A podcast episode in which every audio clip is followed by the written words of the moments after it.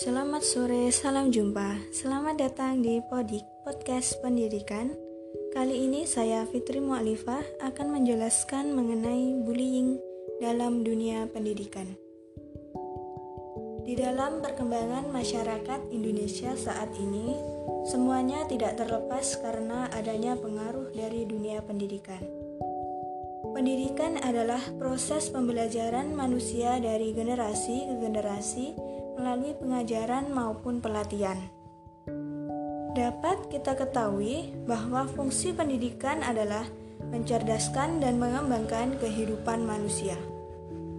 Namun, dalam proses pendidikan pasti ada fenomena yang terjadi di dalamnya, seperti yang kerap kali terjadi saat ini, seperti kasus bullying yang terjadi di dalam dunia pendidikan. Sebutan bullying sudah tidak asing lagi kita dengar. Bullying merupakan situasi di mana penyalahgunaan kekuatan maupun kekuasaan dilakukan oleh seseorang maupun sekelompok orang. Praktik bullying dapat dikategorikan menjadi tiga hal. Yang pertama yaitu bullying verbal, bullying fisik, dan bullying mental.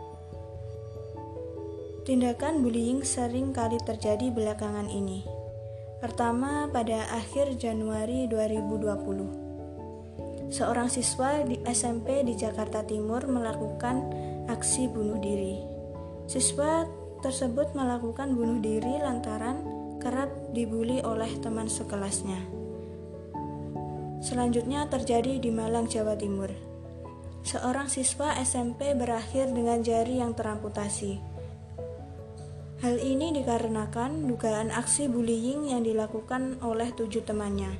Namun, kabar terbaru diketahui bahwa itu tidak bermaksud untuk membuli, melainkan hanya bercanda. Selanjutnya, kasus yang terbaru adalah kasus bullying yang terjadi di salah satu SMP Purworejo, Jawa Tengah. Seorang siswi dipukul dan ditendang oleh tiga siswa.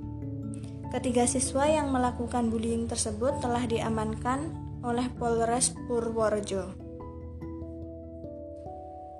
Kejadian bullying tersebut bisa disebabkan oleh beberapa hal. Yang pertama yaitu membuli ingin dianggap dan dikenal hebat karena sebetulnya mereka itu lemah.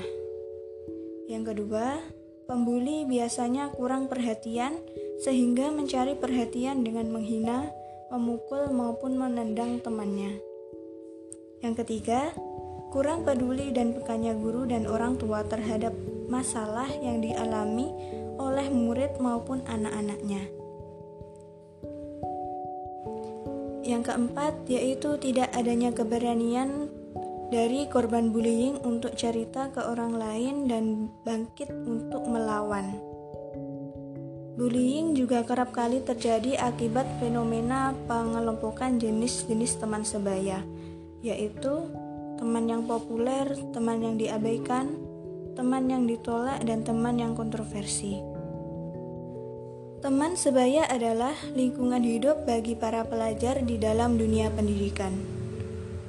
Fenomena dan polemik yang sering terjadi adalah anak yang pandai bergaul dan menjadi populer sangat dikenal dan memiliki banyak teman karena ketenarannya. Sedangkan teman yang pendiam dan jarang bergaul kerap kali diabaikan dan anak yang sering kali melakukan kesalahan sering kali ditolak di dalam dunia pendidikan. Hal inilah yang menyebabkan terjadinya bullying. Seperti anak populer seharusnya tidak sombong dan merangkul teman pendiam, bukan malah mengolok-olok dan menindas mereka dengan kepopulerannya. Begitu pula dengan anak yang pendiam, yang seharusnya bergaul dengan baik, tapi karena kurang perhatian dari orang sekitarnya dan orang tua, lalu ia menghina dan menindas teman lainnya untuk mencari perhatian dari temannya. Solusi yang tepat yang harus dilakukan agar tidak terjadi bullying adalah kita harus saling peduli terhadap sesama untuk mencegah terjadinya kekerasan di kalangan remaja. Orang tua dan keluarga harus menjadi tempat yang nyaman bagi anak untuk mengungkapkan pengalaman dan perasaannya. Ajari anak untuk melindungi diri dari kekerasan dan berikan penguatan positif, seperti pujian terhadap perilaku prosesial anak, serta mendorong anak untuk mengembangkan bakat dan minat yang dimilikinya. Pencegahan bullying juga dipengaruhi oleh faktor dari dunia pendidikan itu sendiri. Misalnya saja, sekolah harus menjalankan program anti-bullying Guru-gurunya harus lebih mengerti dan peka terhadap muridnya. Lebih dikuatkan kembali hubungan antara guru dan orang tua murid untuk saling mendapatkan informasi dan melaporkan kepada guru bila anak mengalami kekerasan di sekolah. Pencegahan bullying juga harus dilakukan pemerintah seperti menerapkan kurikulum yang sesuai dengan perkembangan anak dan memberikan peraturan hukum yang jelas dan tegas kepada perilaku bullying. Ya, itulah informasi yang dapat saya sampaikan. Terima kasih buat kalian yang sudah mau mendengarkan podcast perdana saya. Sampai jumpa di podcast selanjutnya.